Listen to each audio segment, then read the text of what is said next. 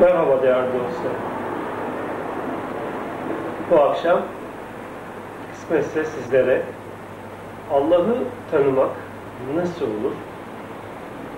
Bu konuda elimizde ne gibi doneler var? Bunları size anlatmaya çalışacağım.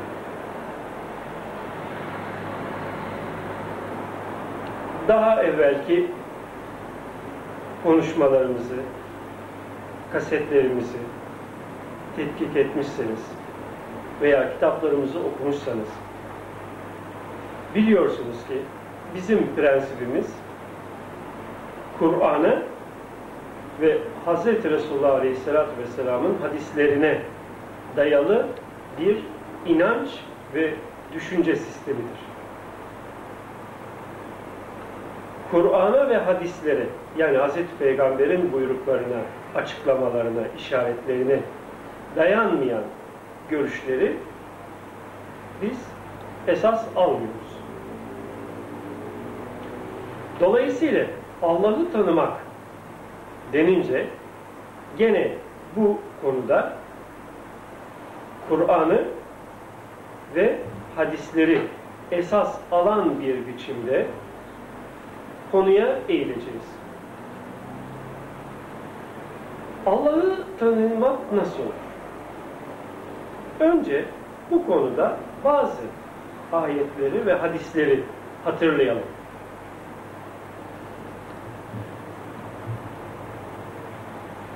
Bir hadis-i şerif şöyle. Hazreti Resulullah Aleyhisselatü Vesselam buyuruyor ki Allah var idi ve onunla beraber hiçbir şey yoktu. Hazreti Resulullah Aleyhisselatü Vesselam'ın bu hadisini duyanlar Hazreti Ali'ye koşuyorlar. Kerem Allah'ın Ve diyorlar ki Hazreti Resulullah buyurdu ki Allah var idi ve onunla beraber hiçbir şey yoktu. Hemen Hazreti Ali radıyallahu anh konuyu şöyle açıklıyor. Elam öyledir. Bir başka hadis-i şerif bu konuda şöyle. Nefsine arif olan Rabbine arif olur. Gene bir başka hadis-i şerif şöyle. İnsanlar uykudadır. Ölünce uyanırlar.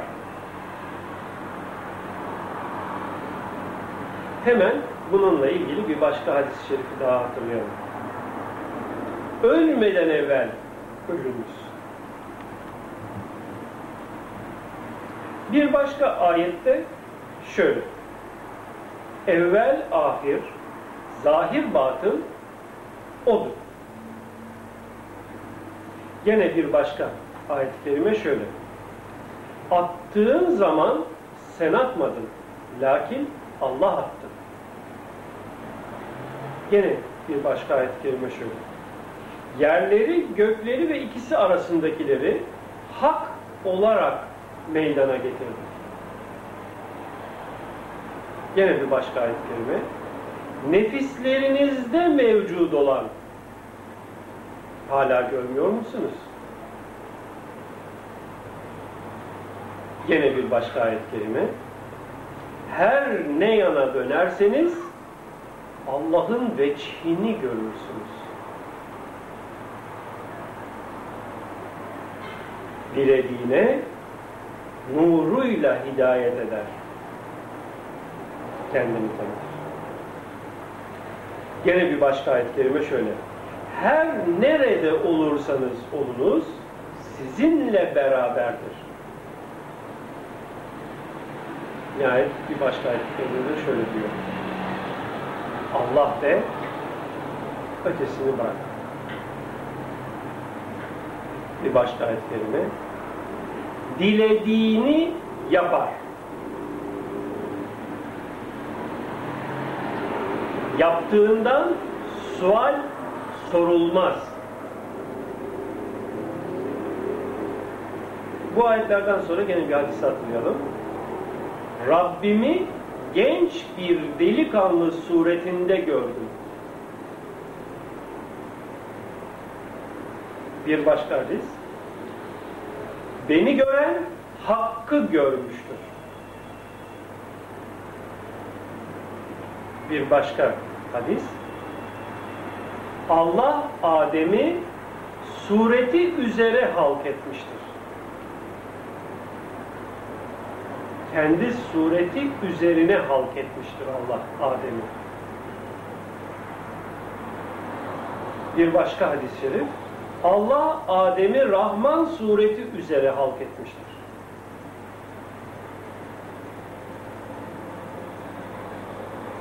Halakallahu Adem'i ala sureti Rahman. Bir başka ayet-i kerimede deminki pardon bir başka hadis-i şerifte demin söylediğim üzere halakallahu Adem'i ala sureti. Bir başka ayet-i kerimeyi şimdi hatırlayalım. Dünyada ama olan ahirette ama olur. Gene bir başka hadis-i şerifi hatırlayalım. Her ne hal üzere yaşarsanız o haliyle ölürsünüz.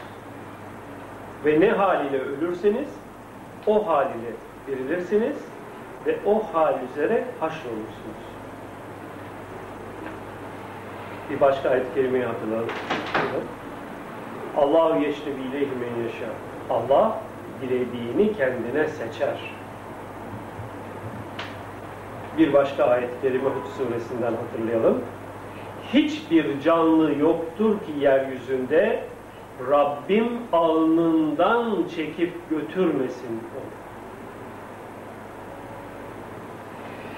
Şimdi bütün bu ayet-i kerime ve hadislerin ışığında elbette bu konuya ışık tutan daha pek çok ayetler ve hadisler var. Fakat konuyu fazla uzatmamak, vakti daha özlü bir şekilde değerlendirebilmek için bunların ışığında konuyu anlamaya çalışalım. Şunu bilelim ki hakikat diye bahsedilen husus tasavvufta dünyada yaşanırken hissedilecek, idrak edilecek, hazmedilecek ve yaşanacak bir olaydır. Bazılarının dediği gibi siz bunları alın, bilin, bunlar sizde kapalı kalır, fakat siz ölürken birdenbire bunları yaşamaya başlarsınız veya öldükten sonra mezarda siz bunları yaşarsınız. Böyle bir olay yok. Bu bir yanılgıdır. Bir kişi hakikati ya dünya yaşamındayken idrak eder, hazbeder, hal eder, yaşar veya yaşayamadan bu dünyadan geçer gider. Burası çok önemli bir husus. Çünkü bu hususu hemen iki nokta açıklıyor.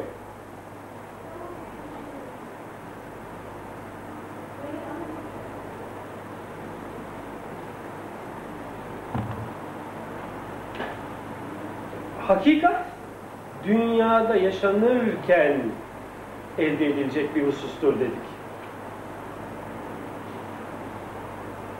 Niçin? Çünkü dünyada yaşanırken eğer bu olay yaşanmazsa ne haliyle yaşarsanız o haliyle ölürsünüz hadisi gerçekleşmez. Dünyada eğer buna eremiyorsan, yaşayamıyorsan dünyadan sonra da bir daha bunu yaşayamaz.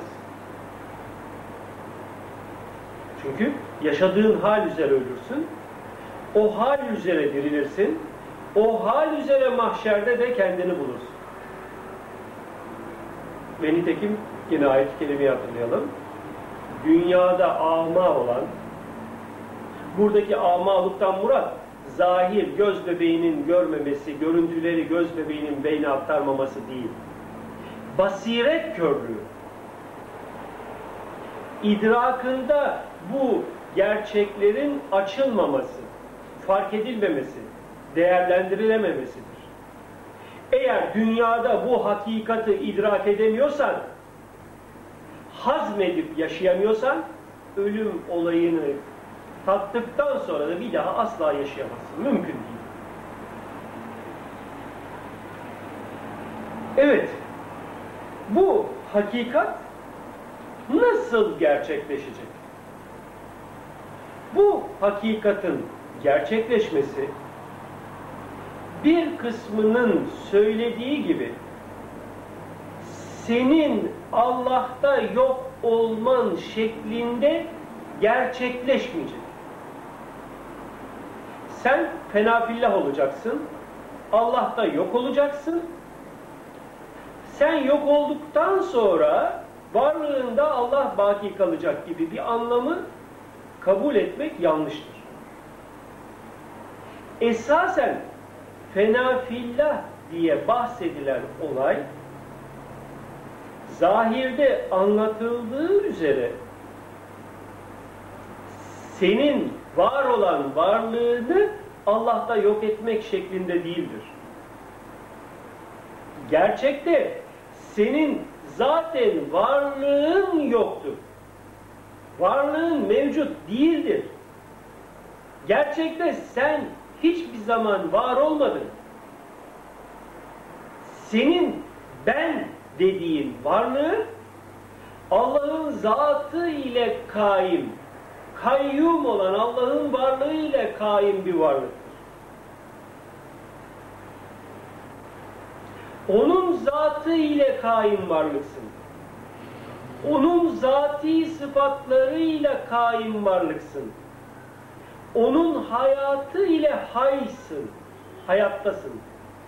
Onun ilmi ile ilimlenmiş olarak, onun ilminin sende zuhuruyla ilim sahibi olarak, alim isminin manasının sende zahir olmasıyla ilimin mevcut.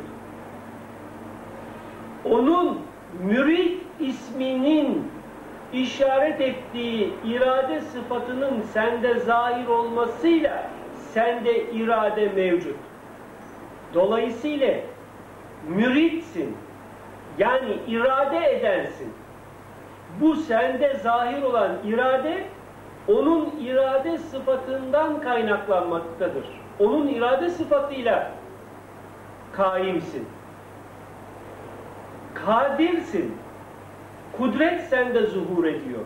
Sende zuhur eden kudret onun kudret vasfının zuhurundan başka bir şey değildir. Dolayısıyla senin kendine has bir kudretin, kendine has bir iraden, kendine has bir ilmin, kendine has bir hayatın yoktur.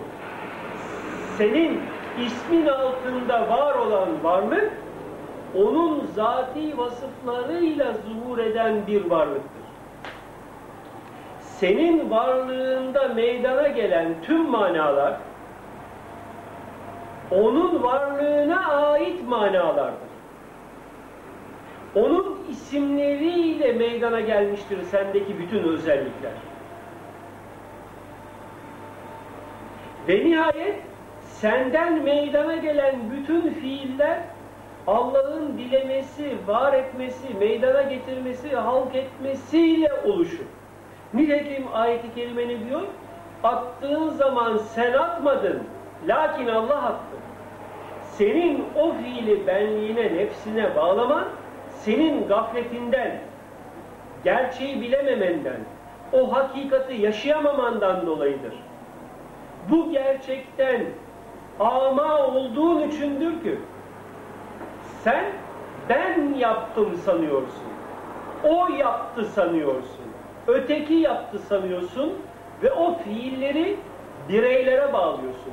Evet her ne kadar o fiiller o bireyden zahir olursa da o fiillerin haliki Allah'tır. Nerede ne görüyorsan, ne işitiyorsan, ne duyuyorsan, ne algılıyorsan bütün bunların haliki, var edicisi, meydana getiricisi Allah'tır. İşte bu yüzden diyor ki ve inema tuvellu fesemme veçhullah. Ne yana döndürürsen başını Allah'ın veçhi karşındadır.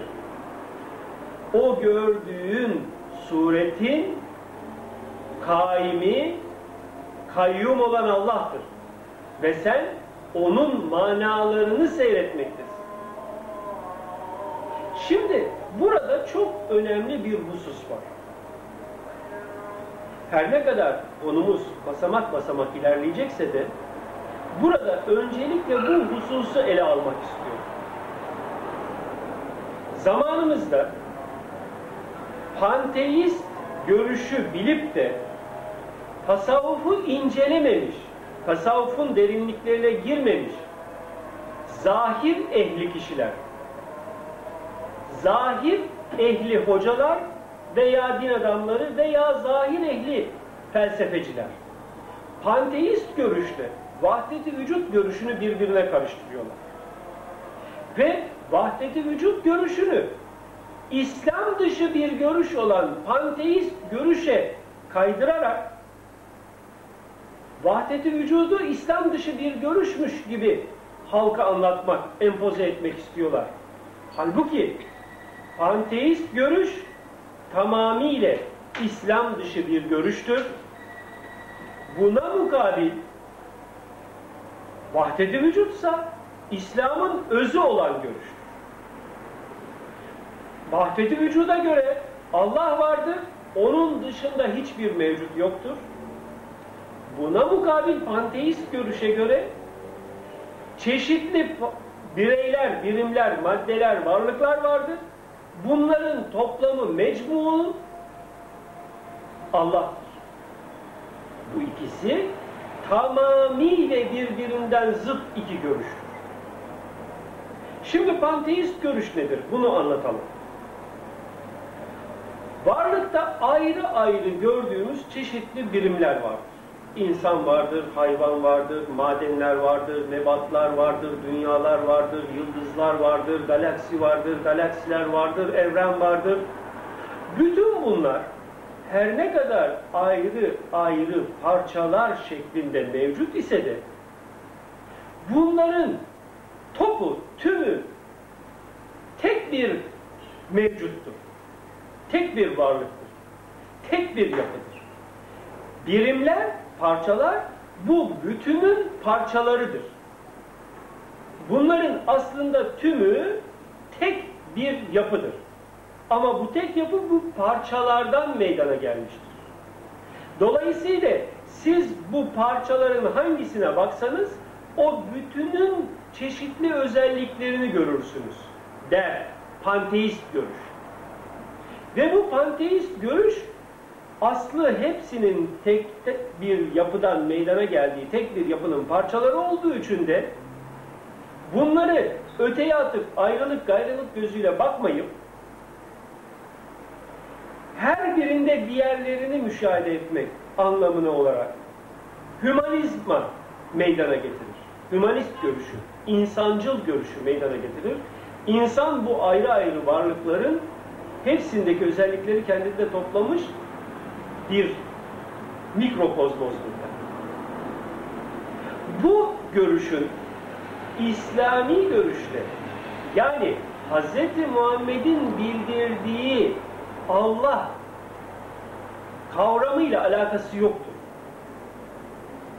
İslam'ın bildirdiği yani Hz. Muhammed'in bize iletmiş olduğu Kur'an'daki bilgilere göre yani Hz. Muhammed bildirisine, öğretisine göre gerçekte Allah vardır, ayrı ayrı birimler şeklinde mevcutlar yoktur. Dolayısıyla her şey odur görüşü yanlıştır. Batıldır. Her şey haktır görüşü batıldır. Çünkü her şey yoktur. Yani ayrı ayrı şeyler mevcut değildir. Ayrı ayrı şeyler kabulü beş duyunun evrene bakan kesitsel görüşünden doğan bir vehimdir, bir hayaldir.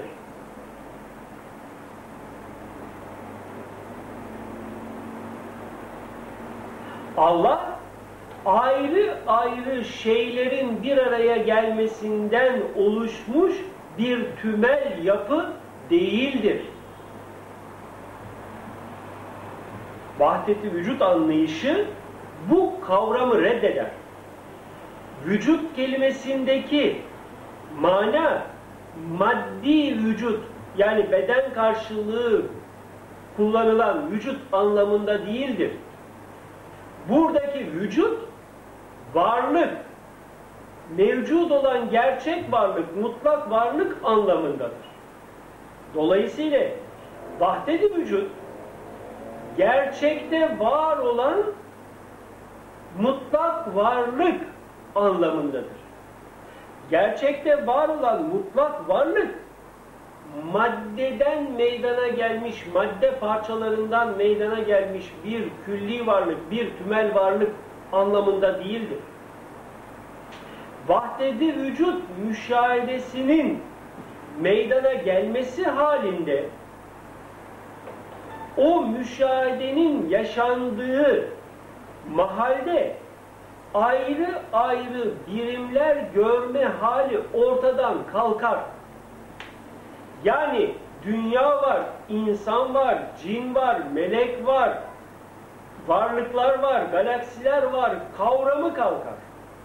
Vahdeti vücut, şuurda yaşanan bir haldir. Bir üst boyut halidir. Göze göre, kulağa göre, dokunma duygusuna göre yaşanan bir şey değildir vahdeti vücut. Şimdi bunu daha iyi anlamak için iki üç basit misal vereyim size. Bizde kesitsel algılama araçları diye tanımladığımız göz, kulak, dokunma duygusu gibi duyular vardır. Göz 4000 ila 7000 angstrom arasındaki dalga boylarını alır, sinir sistemi vasıtasıyla bir biyoelektrik mesaj şeklinde beyne ulaştırır. Kulak 16 ila 16 bin hertz arasındaki dalga boylarını alır, işitme siniriyle beyne ulaştırır. Bu beyne iletilen biyoelektrik mesajlar beyinde deşifre edilerek bir anlam şeklinde değerlendirilir. Gerçek anlamıyla beyinde ne görme vardır ne işitme vardır. Beyinde algılama ve idrak etme vardır. Beyne ulaşan bu mesajlar varlık skalasındaki sonsuz dalga boyunun ben diyeyim milyarda biridir, siz deyin trilyonda biridir. Yani biz beş duyu dediğimiz kesitsel algılama araçlarımızla sonsuz varlık skalasından belli kesitleri algılarız. Bu belli kesitleri algılama aracı bize örnek toplama gayesiyle verilmiştir.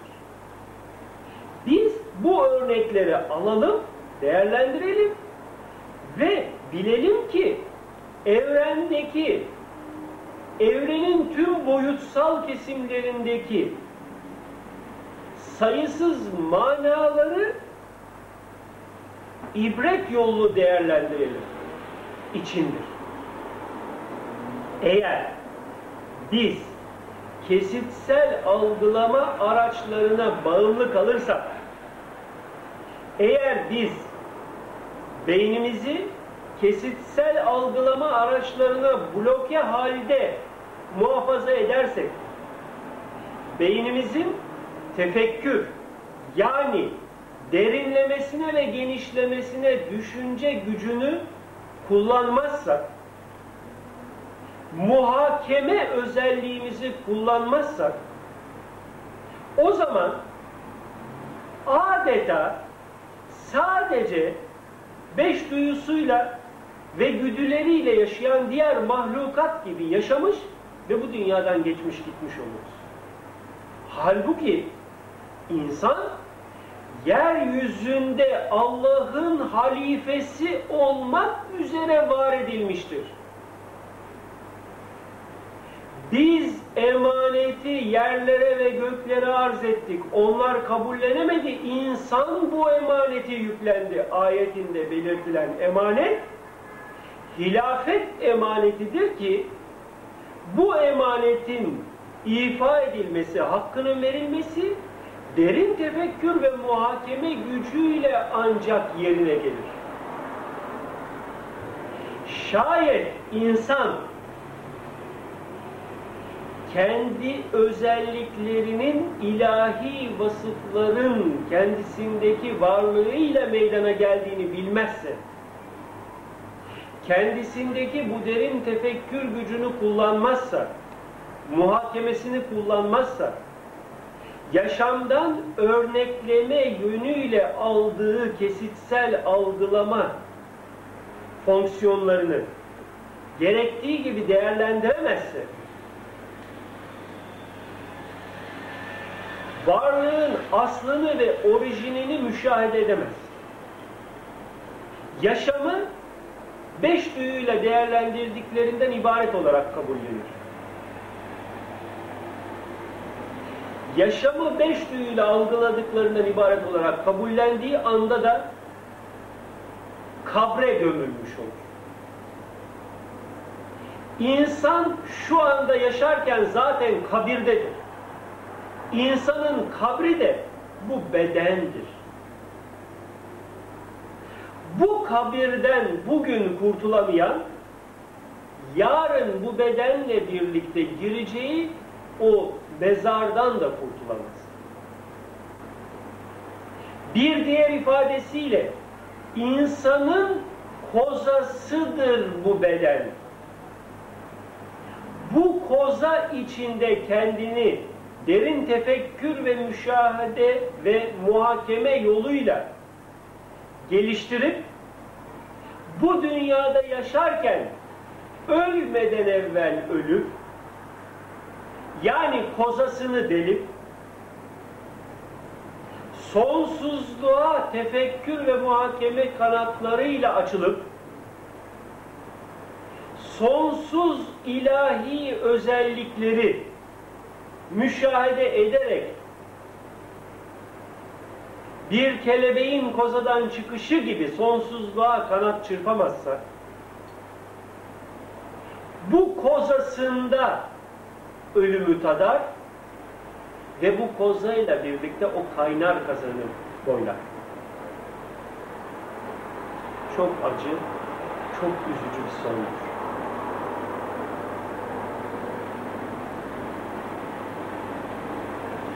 Kozanızdan çıkın. Ölmeden evvel ölün deniyor bize. Biz kozamızı şartlanmalarımızla ördük.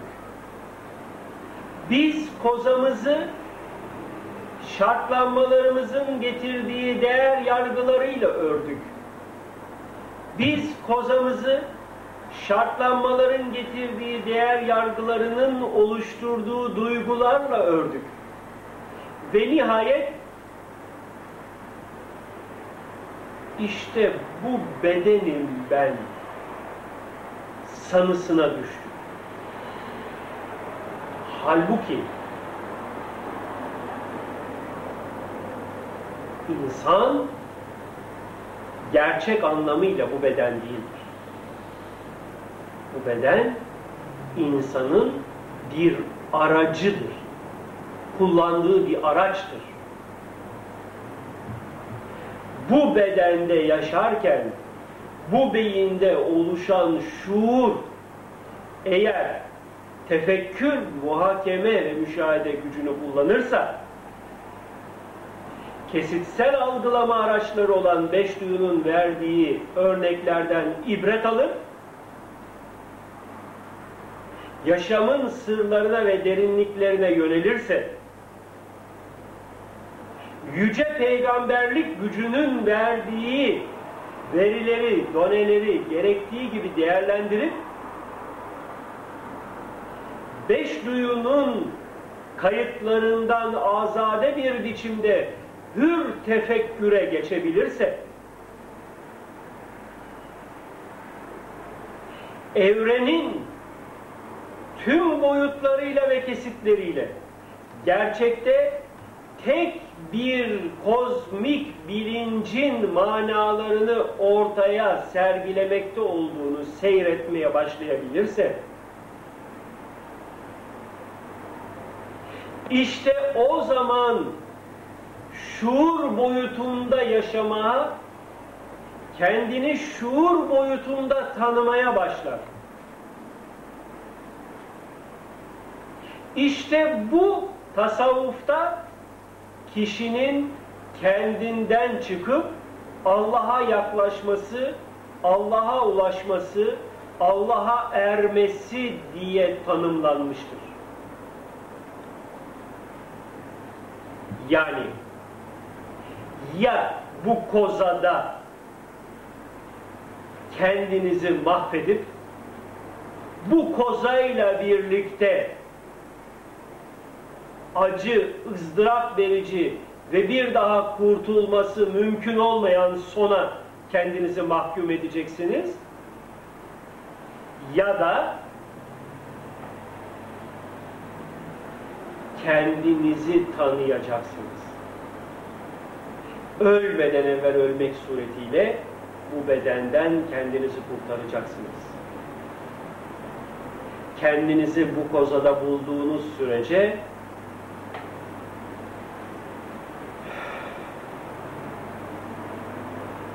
uykudasınız. İnsanlar uykudadır. Ölünce uyanırlar uyarısı size mutlaka ulaşmalıdır. Kulağınıza değil, gönlünüze,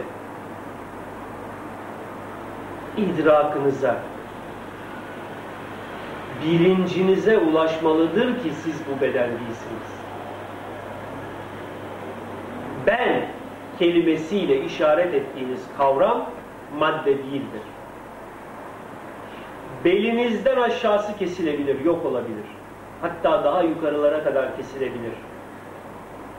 Ama beninize asla halel gelmez. Beninizde asla eksiklik duymazsınız. Ben yaşar, devam eder. Var olan hiçbir şey yok olmaz, yok olan hiçbir şey var olmaz, yoktan var olmaz. Hükmü gelince bugün ben işa, kelimesiyle işaret ettiğiniz kavram mevcutsa bu ben kavramınız asla yok olmayacaktır. Ama bu beden dönüşüme girecektir. Bu beden elinizden çıkacaktır. Bu beninizi yaşama hali devam edecektir. Ama bu beden gidecek, bunun yerine yeni bir beden bağısı olacaktır. Nitekim bunu inandığınız, tekrar ettiğiniz amentüde söylüyorsunuz. Diyorsunuz ki, ben iman ediyorum ki velbâsü bâdel mevt. Mevtin akabinde, kıyamette, haşırda, mahşerde değil, mevtin akabinde yani ölümü tatma halinin akabinde bağıs olacağım. Yani yeni bir bedenle var olacağım bu bedenimin elimden çıktığı andan hemen sonra ruh adı verilen bir bedenle yaşamıma devam edeceğim. Halogramik mikrodalga beden diye tarif ettiğimiz bu bedenle kabirde yaşamıma devam edeceğim. Kıyamete kadar. Kıyametten sonra da gene yaşamıma devam edeceğim sonsuza dek. Ama nasıl ki şu bedende yaşarken bu beden değilsem, gerçekte bir şuursal varlıksam, bir bilinç varlıksam, bir düşünsel varlıksam, aynı şekilde ruh bedenle de yaşamama devam ederken gerçekte o ruh beden de değilim ben gene ben kozmik bir bilincin o birimdeki zuhuru olacağım. Şimdi bu noktayı biraz daha açalım. Maddeyi algılıyoruz beş duyuyla. Ama gerçekte biliyoruz ki beş duyunun verdiği bir görüntüdür madde. Eğer maddenin derinliğine girersek atomize boyuta, onun daha derinliğine iyonize boyuta, onun daha derinliğine mikrodalga boyuta ve nihayet tüm bunların kaybolup salt enerji boyutuna bu salt enerji boyutunda aynı zamanda da bir bilinç mevcuttur. Bir şuur mevcuttur. Yani evrenin aslı, orijini kozmik bilinç ve evrenin aslı bu kozmik enerjidir. Bu kozmik enerji ve kozmik bilinç bölünmez, parçalanmaz, cüzlere ayrılmaz, parçalardan meydana gelmemiş, sonsuz, sınırsız bir güç. İşte bu Allah'ın kudreti, Allah'ın ilmi diye tarif edilen yapıdır. Allah'ın ilmi diye tarif edilen mana kozmik bilinç diye bugün anlaşılıyor. Allah'ın kudreti diye tarif edilen bu mana kozmik enerji diye tarif ediliyor. İşte varlık tümüyle bu kozmik enerjinin ve kozmik bilincin çeşitli manalarının ortaya çıkışından ve seyredilişinden başka bir şey değildir. İşte bu yüzden başını nereye çevirirsen Allah'ın beçini görürsün. Yani onun ilim vasfının zuhurunu görürsün. Onun kudret zuhurunu görürsün.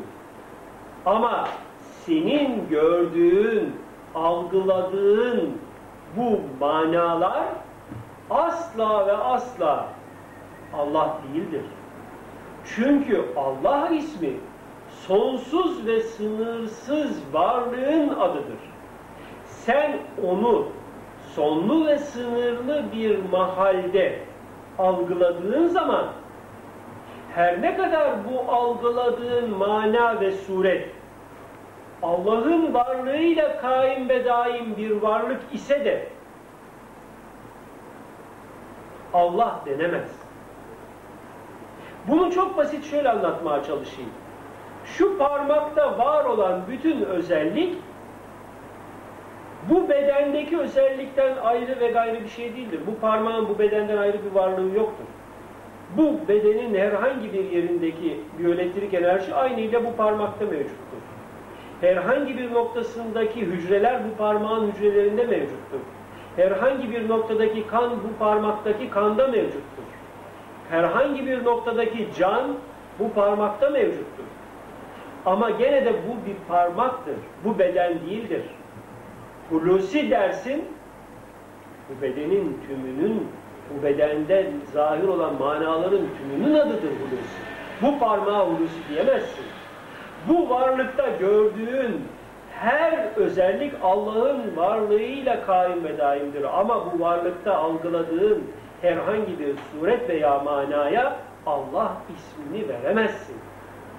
Orada zahir olan manaya uygun bir isimle isimlendiririz biz onu. İşte bu incelikleri çok iyi anlamamız gerekir.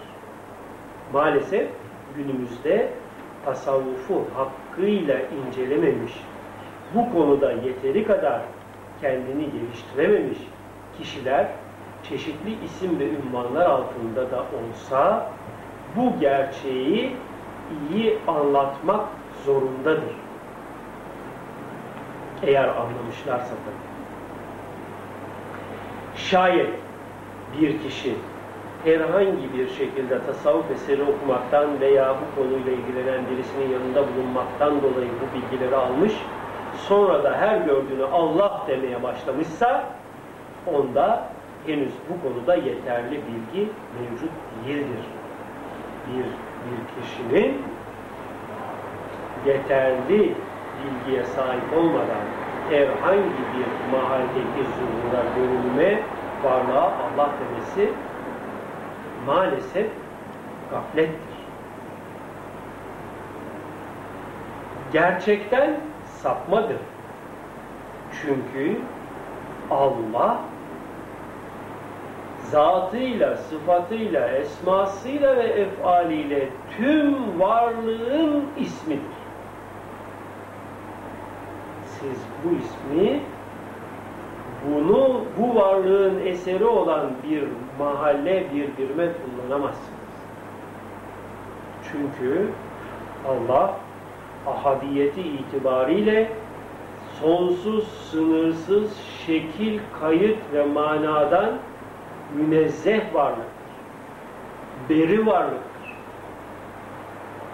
Dolayısıyla her ne kadar tüm varlık onun manalarıyla, özellikleriyle, kudretiyle kaim ise de ancak ondaki manalardan onun dilediği bir manayı ishar etmektedir. Kül ismini veremezsiniz. Kar veya buz sudan meydana gelmiştir. Ama kardır. Ama buzdur. O buzdan suret insan sureti gibi olabilir, hayvan sureti gibi olabilir veya herhangi bir başka suret olabilir.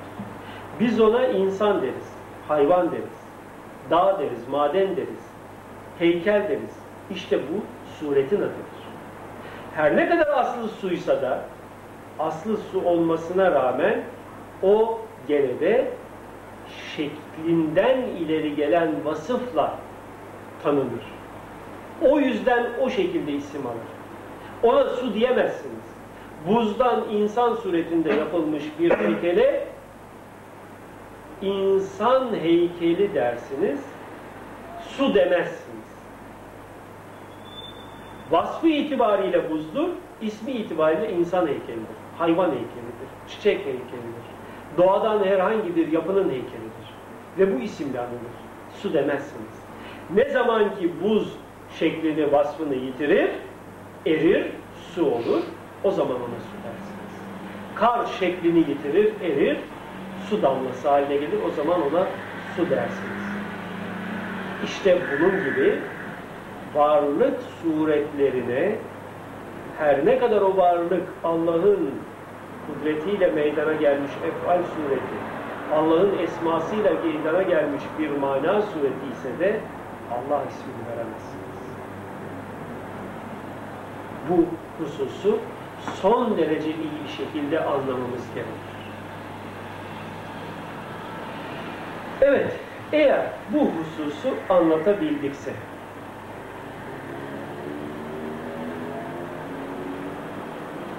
o zaman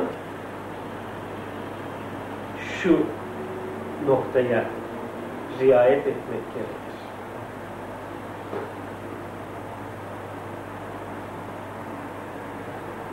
Zahir ve batın,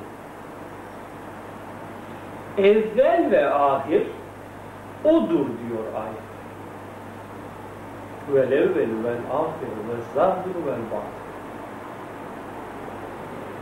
Bu maalesef beş duyu kayıtları içinde tanımış ve ondan ötesini düşünemeyen kişiler tarafından yanlış değerlendiriliyor.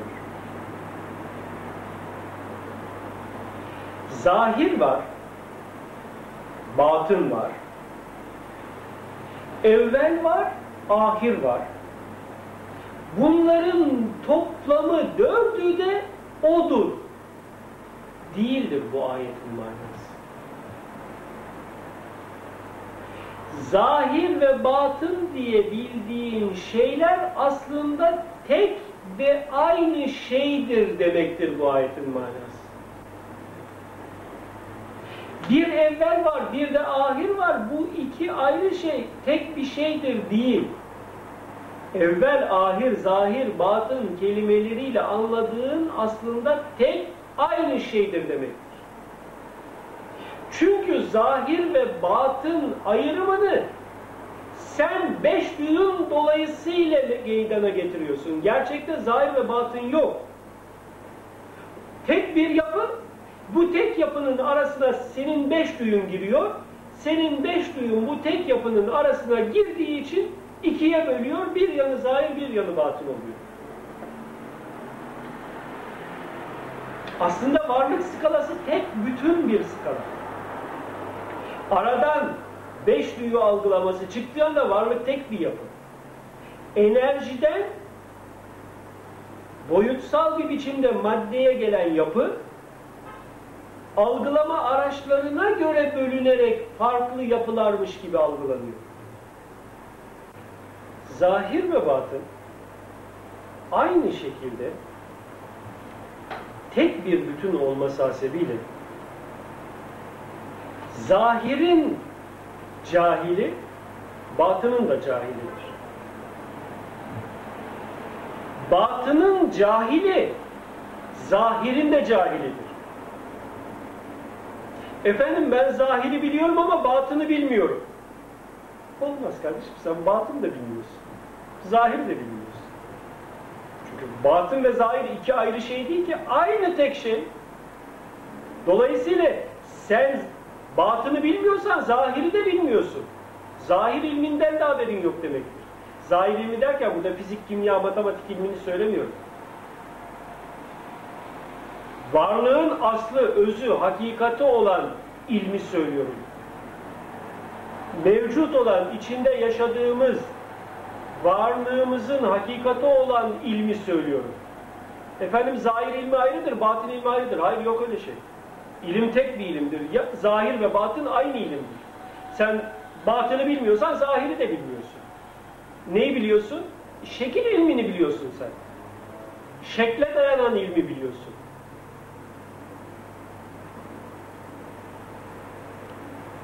Gerçek ilim varlığın ve kendinin ne olduğunu bilme ilmidir. Ben dediğin zaman senin bir bedenin var. Bu bedende mevcut olan bu beyninin daha ana rahminde 120. günden itibaren üreterek meydana getirdiği ve ebedi yaşamını içinde yaşayacağım bir ruhum var. Ruh bedenin var. Ve bu bedenlerde mevcut olan bir şuurun var. Ben kelimesiyle işaret ettiğim. Bunların tümüdür. Bunların tümü birbirinden ayrılmaz. Ben bedeni biliyorum da ruhu bilmiyorum. Ruhu biliyorum da şuuru bilmiyorum. Yok öyle şey. Bunların hepsi birbiriyle bağlantılı. Beden ruhu üretiyor. Ruh bedene kumanda ediyor. Kendi özellikleriyle ruhu, ruh bedeni ayakta tutuyor. Ruhun enerjisi, ruhun bedene enerji takviyesi kesildiği anda beden yaşamını yitirir. Ruha ve bedene yön veren şuurdur, bilinçtir. Ama o bilinci geliştiren beyindir. Ruhtaki ve şuurdaki bütün gelişmeleri sağlayan merkez kaynak beyindir. Beynini ne düzeyde geliştirebilirsen, güçlendirebilirsen, o düzeyde güçlü bir ruha ve o düzeyde güçlü ve kapsamlı bir şuura sahip olursun. İnsan beyninin yüzde beşini, yüzde yedisini, yüzde onunu kullanıyor normalde. Ama bu beyin kapasitesini yüzde ondan on beşe, yirmiye, otuza, kırka, elliye kaça ise çıkarabilmek mümkün. Neyle mümkün? Yapacağım bir takım çalışmalarla mümkün. Bu çalışmaları yapmadığın takdirde beyninde bu gelişme olmaz. İlk açılım kapasitesi ve gücü neyse o kapasite ve güçle ölene kadar, ölümü tadana kadar yaşar gidersin işte. Dolayısıyla senin zahirin ve batının bir bütündür. Batınını bilmiyorsan zahirinden de haberin yok. Senin zahire dair bildiğin şekli ilimler sana öbür tarafta bir yarar sağlamaz. Burada da sağlamadın. Şekli ilim senin ruhunu, benliğini, şuurunu, kendindeki vasıfları tanımaya ne kadar yardımcı oluyor ki? Eğer kendini tanımak istiyorsan nefs dediğin gerçek benliğini ve bu benliğindeki özellikleri öğrenmek, bilmek, tanımak, idrak etmek, hissetmek, hazmetmek, yaşamak yani hallenmek zorundasın. Başka çıkar yolun yok. Eğer dünyadayken bunları elde edemezsen bu dünyadan geçip gittikten sonra da elde edemezsin. Çünkü kişi ne haliyle yaşarsa o haliyle bu dünyadan geçer gider ve ebediyen de mahşerde de bu haliyle kalır diyor peygamber. Basiret amalığından bu dünyada yaşarken kurtulmak mecburiyetindesin.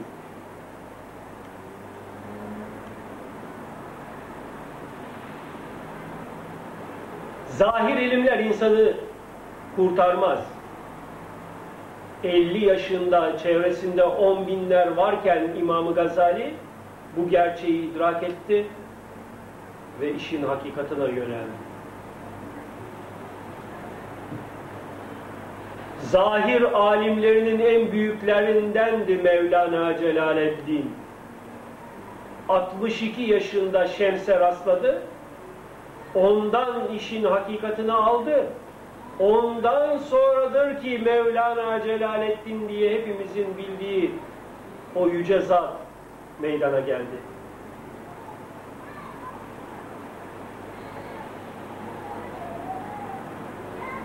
Zahir ilimlerle, ibadetle cenneti elde edemezsin.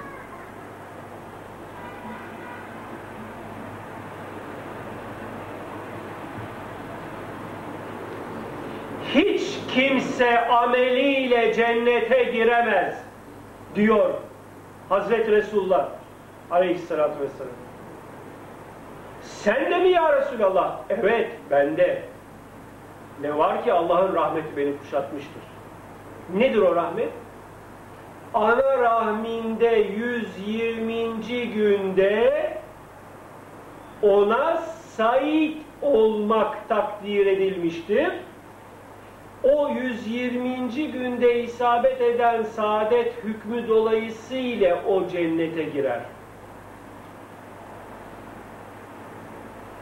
Ana rahminde 120. günde şakavet hali yazılmışsa onu cehenneme gitmekten hiçbir fert, hiçbir şey kurtaramaz. Bu yazgı asla değişmez. Bunu diyor Hazreti Peygamber. Hiçbir zaman ne sen ne ben amelimizle cennete gidemeyiz. Eğer bana 120. günde ana rahmindeyken saadet hükmü yazılmış ise o hüküm dolayısıyla ben yarın kendimi kurtarıp cennete gidebilirim. Eğer bana şakavet hükmü yazılmışsa bütün bu ilimlerin hibe edilmesine, verilmesine, bu yolda bu çalışmaların yapılmasına rağmen yine de benim gideceğim yer o cehennem diye tarif edilen mahaldir. Şunu çok iyi bilin ki Allah'ın hakkımızdaki takdiri neyse yerine o gelecektir. Biz o bize takdir edilen fiilleri yerine getireceğiz. Gene Allah'ın kudreti, iradesi ve ilmi istikametidir. Onun için diyor ki herkes kendisine kolaylaştırılmış olanı başaracaktır. Bu husustaki hadis-i şerifleri İnsan ve Sırları isimli kitabımızda geniş bir şekilde bir araya getirdik. Bu konuda Diyanet İşleri Başkanlığı'nın çıkarmış olduğu Sahih Buhari tercümesi Tecrid-i Sarih isimli hadis kitabını arayabilirsiniz. Buhari'den sonra ikinci külliyat olan Sahih-i Müslim'i inceleyebilirsiniz. Tirmizi isimli hadis kitabının kader bölümündeki hadisleri inceleyebilirsiniz. İbn Mace isimli muteber hadis kitabının kader bölümündeki hadisleri inceleyebilirsiniz. Bütün bunlarda mevcut olan hadis-i şeriflerde hep şu yazılıdır. Herkesin cennete veya cehenneme gideceği ana rahminde 120. günde yazılır. Bu yazılıp biter ve bir daha asla değişmez. Heh, şimdi diyeceksiniz ki peki bizim kaderimiz böylece daha anamızın rahminde 120. gündeyken belli olmuş ise öyleyse biz niye çalışalım? İşte bu suali Hazreti Peygamber'e de soruyorlar. Ya Resulallah bu böylece eze, bizim ezelimizde yani 120. günümüzde takdir olmuş, yazılmış, bitmişse amel niye? Yani niye biz amel edelim, niye çalışalım? Öyle yazılmışsa öyle olacak, böyle yazılmışsa böyle olacak. Şeklinde bir sual soruyorlar. Buyuruyor ki, çalışın. Hanginizi için ne takdir olmuşsa size o kolaylaştırılacaktır ve onda muvaffak olacaksınız. Yani eğer senin için cehennemlik hükmü o gün daha yazılmışsa, şakavet hükmü yazılmışsa, senin bunu değiştirmen mümkün değil. Ve sen o yoldaki fiillerden de zaten vazgeçip tövbe edip bu yola giremezsin. Ama sana cennetlik hükmü verilmiş yazılmışsa, o zaman sana muhakemeni kullanmak, tefekkürünü kullanmak, aklını, basiretini kullanmak kolay gelir. Uzun vadeli olayları düşünürsün, mantığını çalıştırırsın. Bu konuda bir takım şeyler yapmak gerektiğini görürsün, yaparsın ve bu yapışın da senin o takdir dolayısıyladır, kolaylaştırılmıştır ve bu kolaylaştırma dolayısıyla bu çalışmaları da yaparak neticede oraya gidersin.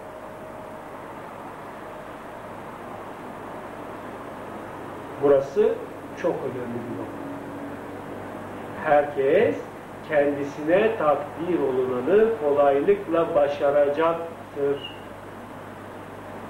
Eğer sana cennetlik olmayı takdir etmişse Allah, muhakkak ki onun çalışmalarını yapmak da sana kolay gelecek ve başaracaksın. Allah eğer sana kendini tanıtmayı dilemişse sen öyle çalışmalar yapacaksın ki bu çalışmalar neticesinde, bu tefekkür, bu muhakeme neticesinde bir bakacaksın ki ya benim varlığım yokmuş. Ben diye bir varlık yokmuş. Benim zatım Allah'ın zatıyla kaim. Benim kendime has bir varlığım, zatım yok. Bendeki vasıflar Allah'ın vasıflarından, zatî özelliklerinden kaynaklanıyor. Onunla hayattayım, onunla kaimim. Bendeki özellikleri meydana getiren Allah. Her an benim bütün fiillerim onun meydana getirmesiyle mevcut. Dolayısıyla ben diye bir varlık yokmuş, meğer var olan oymuş. Diyerek Allah'ı tanıyacaksın. Ve kendinin asla var olmadığını anlayacaksın. Ve o zaman diyeceksin ki aa buna Hazreti Peygamber işaret buyurmuş var olan sadece Allah imiş ve onunla beraber hiçbir şey de mevcut değilmiş. Elan bu böyleymiş.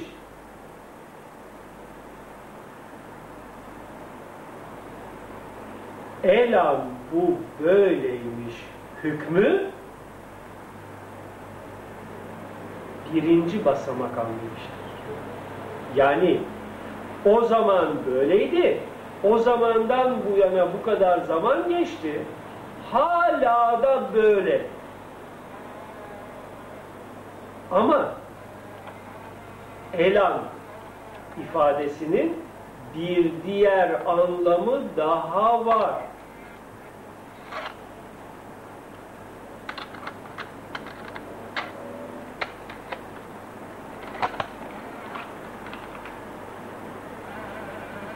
Nedir o diğer anlam?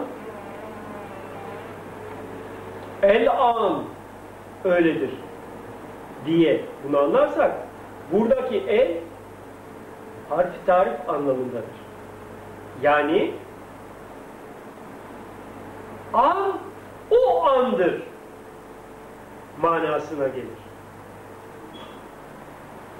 Diğer ifadeyle bu bildiğimiz an, içinde olduğumuz an Allah'ın var olup onunla beraber hiçbir varlığın var olmadığı andır anlamına gelir. Ki doğrusu da gerçeği de budur esasında. Ama bunu şu beş duyuyla bu kesitsel algılama araçlarıyla bloke olmuş beynin meydana getirdiği şuurla anlayabilmek mümkün değildir. Eğer bir boyut sıçraması yapıp da yani lisanı din ile uruç yapıp da miraca erip de o miraç sonunda her şey helak olur, her şey helak olmuştur, baki olan Allah'tır hükmü meydana gelmişse, anlarız, biliriz deriz ki, Allah dışında hiçbir şey mevcut değildir. Esasen buradaki ifadede anlaşılması gereken önemli bir husus daha vardır. Kâne Allahu ve lem yekun şey'a daki kâne idi anlamına anlaşılmaz Allah kelimesiyle bir araya geldiği zaman.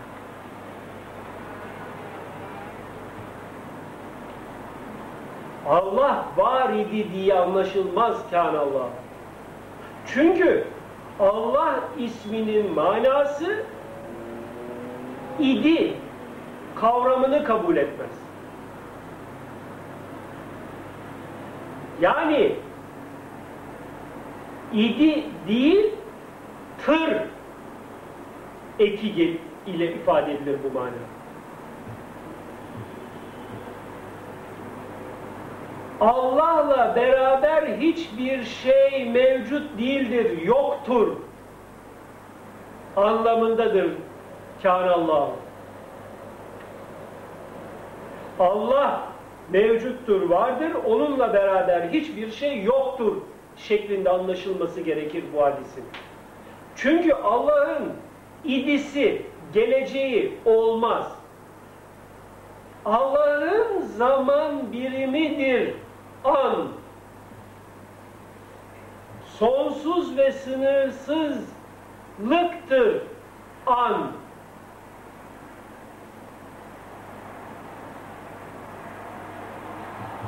Allah'ın zaman biriminin tabi izah sebebinde zaman birimi kullanıyorum. Allah için zaman birimi yoktur gerçekten. Sonsuz ve sınırsız zaman anlamınadır an. Dolayısıyla Allah için an kavramı kullanılır. An'dır Allah'ın ilmi. An içredir. Bizim ezelden ebede diye uzattığımız, var saydığımız, gerçekte var olmayan zaman kavramı hep o an kelimesi içindedir.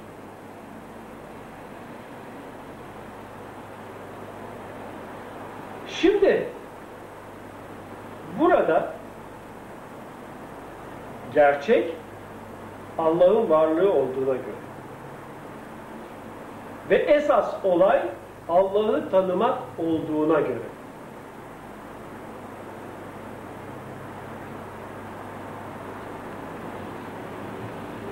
La mevcuda illahu dendiği zaman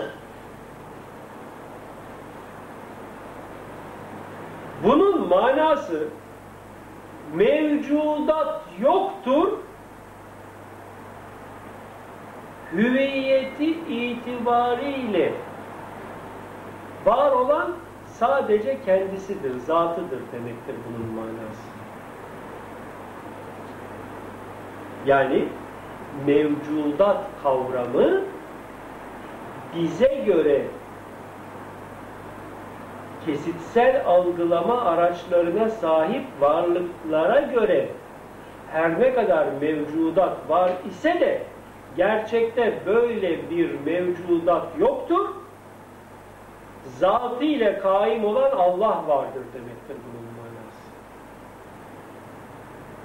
Eğer şu anda burada sen kesitsel algılama araçlarında yani beş duyumla varlığı değerlendiriyorsan senin bu özelliğin aynıyla ruhuna da yüklendiği için bu bedenden sonraki yaşamına devam edeceğin o ruh bedenle de bugünkü kabullerin devam ede gidecektir. Dolayısıyla bugünkü kabullerin aynıyla sonsuza dek devam edecektir. Ya şu anda şu dünyada yaşarken beynini beş duyu blokajından kurtaracaksın. Derin tefekkür, muhakeme ve müşahedeye erdireceksin.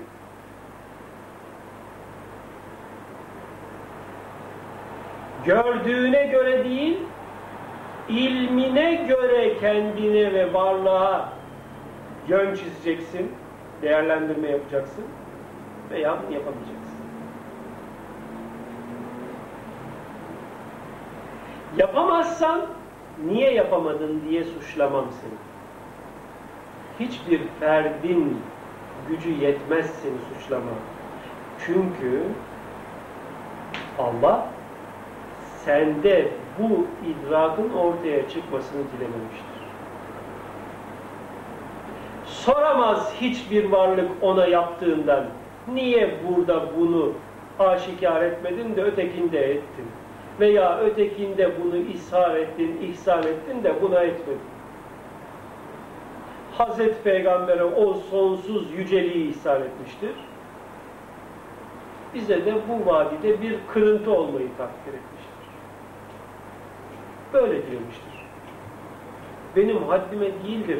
Beni niye kırıntı olarak meydana getirdin de onu o yücelikle meydana getirdin demek.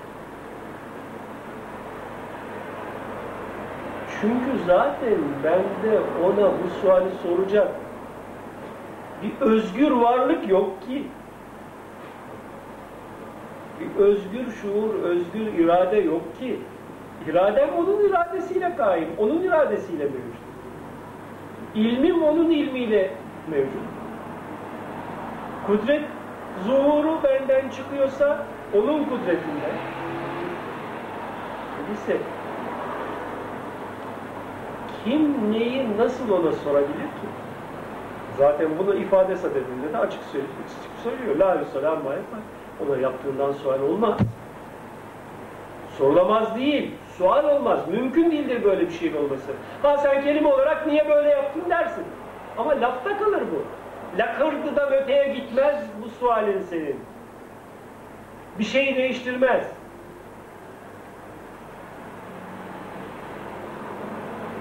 Varlık tek bir varlıktır. Bu tek varlıkta tek bir ilim, tek bir irade, tek bir kudret vardır. Alimdir.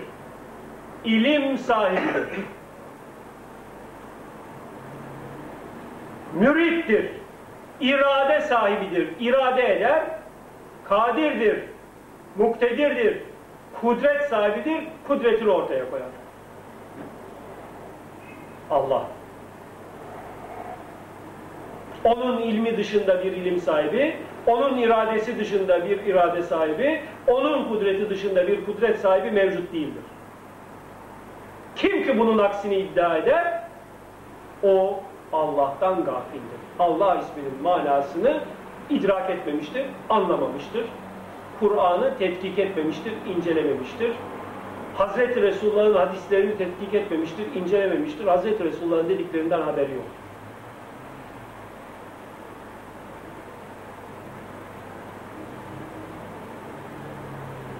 Allah diyor ki küllü şeyin halikun illa veçh. Onun veçhi, onun varlığı dışında her şey yokluktadır. Vardır da yok olacak değildir. Yokluktadır. İsmi vardır onun sadece. O ismin müsemması yoktur. O ismin müsemması kendisidir.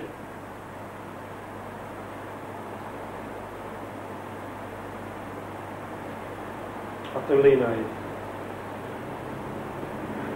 Limenil mülkül yev lillah vahid. Bu ayeti sanırlar ki ta milyonlarca milyarlarca sene sonra kıyamet kopacak da her şey yok olacak da o zaman Allah kendi kendine kalacak, her şey yok olup gittiği için o kendi kendine kalacak ve o zaman soracak. Diyecek ki bugün de mülk kimindir? Ve cevap verecek hiçbir varlık olmayacağı için, hepsi yok olup gittiği için o zaman kendisi cevap verecek. Tek ve kendinden gayrını var bırakmayan, hepsinin üstünde hüküm sahibi, hepsinin üstünde gücü yeten, hepsini yok edici olan Allah'ındır. Olmaz böyle şey. Allah'ın varlığı dışında başka varlıklar vardır da onlar yok olacaktır kabul etmek zaten muhaldir.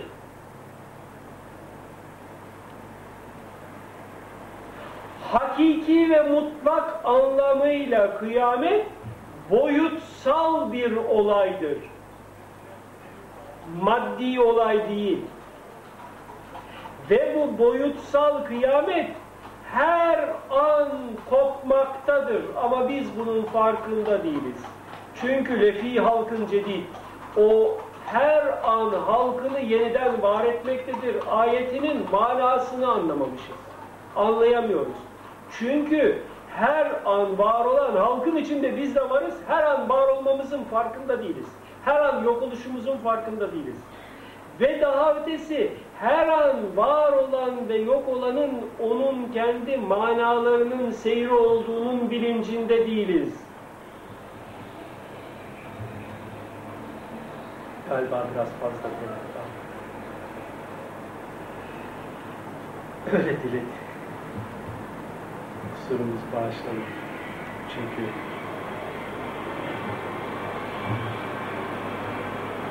kendini bilemeyi murat ettiği zaman onu engelleyecek, sınırlayacak bir varlık da mevcut değil. Bizde kendini size tanıtan, aşikar eden Allah'tır. Biz bir kavalız. Üfleyen Allah'tır.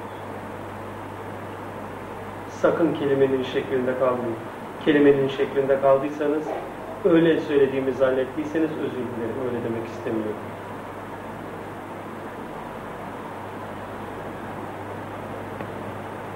Musluk akıttığı sudan mesul değildir. Biz hakkın musluğuyuz. Bizde bu ilmi ishar eden Allah'tır. Sizde değerlendirmeyi nasip edecek olan da odur. Veya bir kenara bırakacak odur. Bizim vazifemiz, bizim varoluş gayemiz takdir gereği bu ilimleri ishar etmektir. Eğer bizde bugüne kadar duymadığımız şeyler zahir oluyorsa Allah böyle dilediği içindir. Biz bunları bir tarikatta, bir ekolde, bir hocada öğrenmedik. Biz Allah kuluyuz. Diliyor, biz de bu ilmi ishal ediyor. Bugün böyle. Yarın ne şekilde tecelli eder onu da bilemem. Gördüğünüz, duyduğunuz bu ilim Allah'a aittir. Onun lütfu ve inayetiyle bizde zahir oluyor. Bizden, ismimizden, şeklimizden, suretimizden geçin, ilmi değerlendirmeye çalışın. Yaratılış gayenize uygunsa elbette ki inşallah değerlendirirsiniz. Değilse zaten yapacak bir şey yok. Eğer bu ilmi biz bir kişiden öğrenseydik, elbette ki o kişi bizden evvel bunları böylesine açıklardı. Bir okulda yetişip de o okuldan öğrenseydik, o okulda bizim bu anlattıklarımız elbette ki öğretilirdi. Ama Allah dilediğini kendine seçer diyor ayet-i Allahu yeştebi men yaşar. Bu ilmi ishar içinde bizi seçmiş kendini. İshar ediyor. Bundan dolayı kendimize bir paye çıkarmıyoruz. Biz ne bir alimiz, ne bir arifiz, ne bir hocayız, ne bir şeyhiz, ne de herhangi bir lakapla, ünvanla tanınmayacağımız bir kişiyiz. Yıllarımızı Cenab-ı Hak bu yolda geçirtti. Bu ilimleri lütfetti, ihsan etti. Böyle düşündürdü, böyle idrak ettirdi, böyle hazmettirdi, böyle hal ettirdi ve nihayet böyle kal ettirdi. Sizden ricam isim, şekil, suret üstünde durmayın size ulaşan bu ilmi değerlendirin. Aklınıza yatmıyorsa araştırın. Söylediklerimizi ayetlerle kıyaslayın, hadislerle kıyaslayın. Doğru mu yanlış mı araştırın. Eğer doğruysa bu ilim size çok şey kazandıracak. Aklınız yatmazsa hiç olmazsa inkar etmeyin ki yarın kabul için kapıları açık bırakın. Bugün için aklımız yatmıyor deyin. Bir yana koyun. Belki gün olur. Bunlar anlaşılır. Onun içindir ki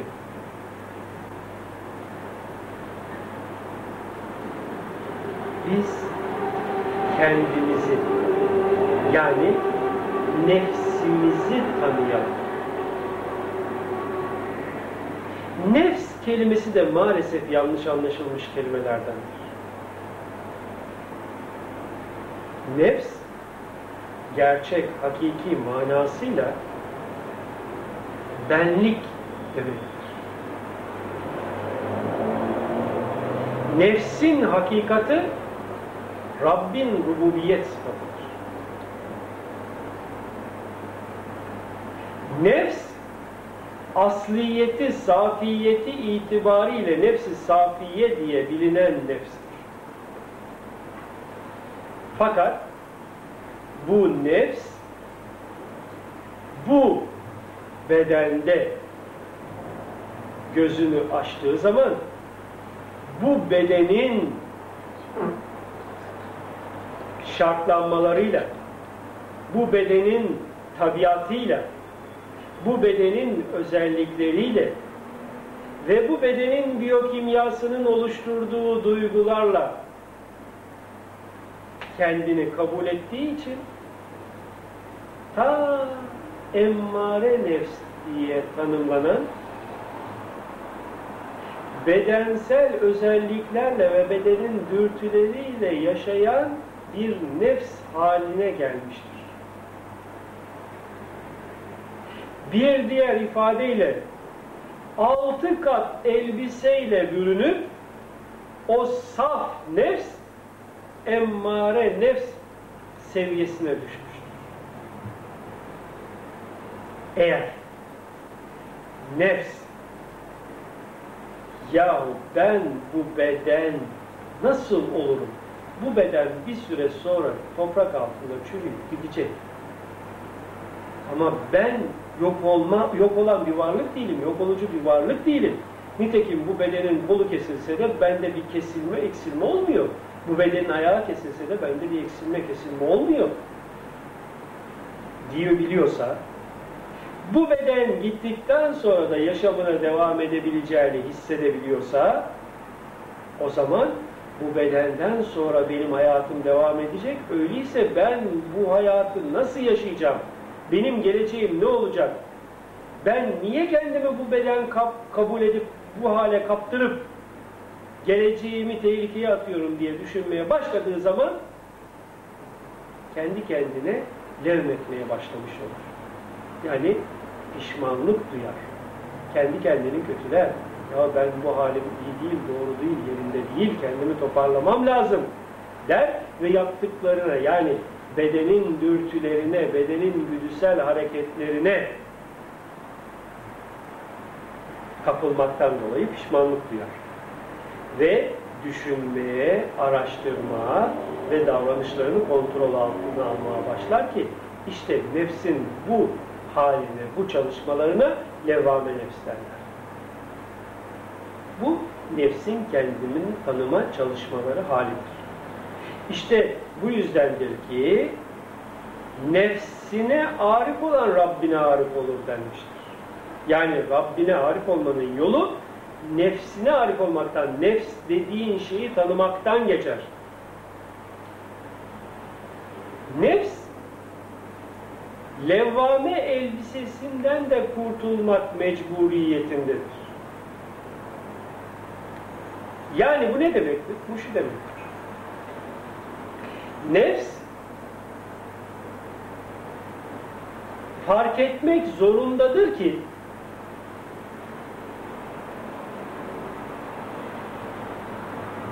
bu gördüğü, algıladığı mevcudatta, varlıkta, evrende gerçekte tek bir şuur, tek bir ilim, tek bir bilinç vardır.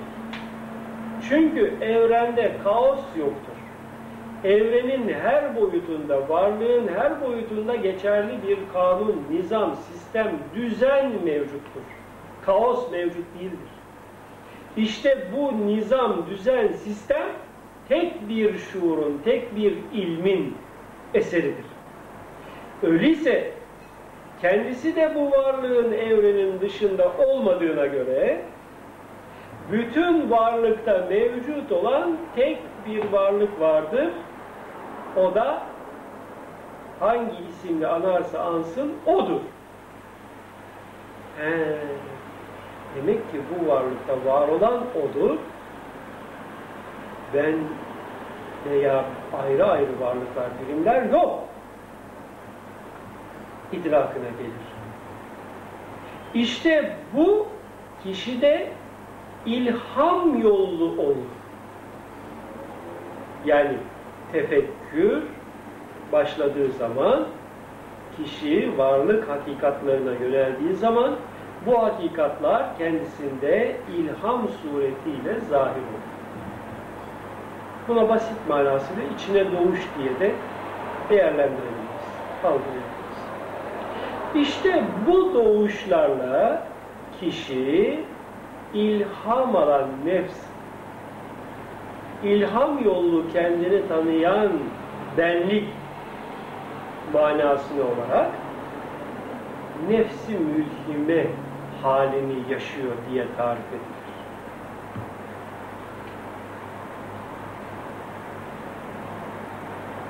Bu ilham alan nefs çok büyük vartalarla, tehlikelerle karşı karşıyadır. Pek çok kişinin ayağı burada sürçer. Çünkü madem ki bu varlıkta var olan varlık tektir, ben diye bir varlık yoktur. Benim varlığımda var olan varlık haktır. Öyleyse hak hiçbir kayıt altına girmez. Öyleyse benim varlığımda hakkım varlığıdır. Ben hiçbir kayıt altına girmem. Dilediğim gibi yaşarım. Yerim, içerim, seks yaparım, namaz kılmam, oruç tutmam, zikir yapmam, ibadet etmem. Deme gafletine bürünür ve buradan tekrar emmare nefs durumuna düşerek tamamıyla bedensel dürtüleri, güdüleri ve istekleri istikametinde yaşama düşebilir. Ve nitekim bu ilham dolayısıyla bu vardiya düşen pek çok kişi vardır. İşte bu vardiya düşmemek için özellikle bizim insan sırları kitabımız ve nefs kasetimiz çok iyi incelenmelidir. Biz bu vartıya düşmeden mutmainne nefs haline gelmek gerektiğini belirtiyoruz. İnşallah bundan sonrasında bir başka bölümde, bir başka kasette anlatmaya çalışacağız. Şimdilik hoşçakalın.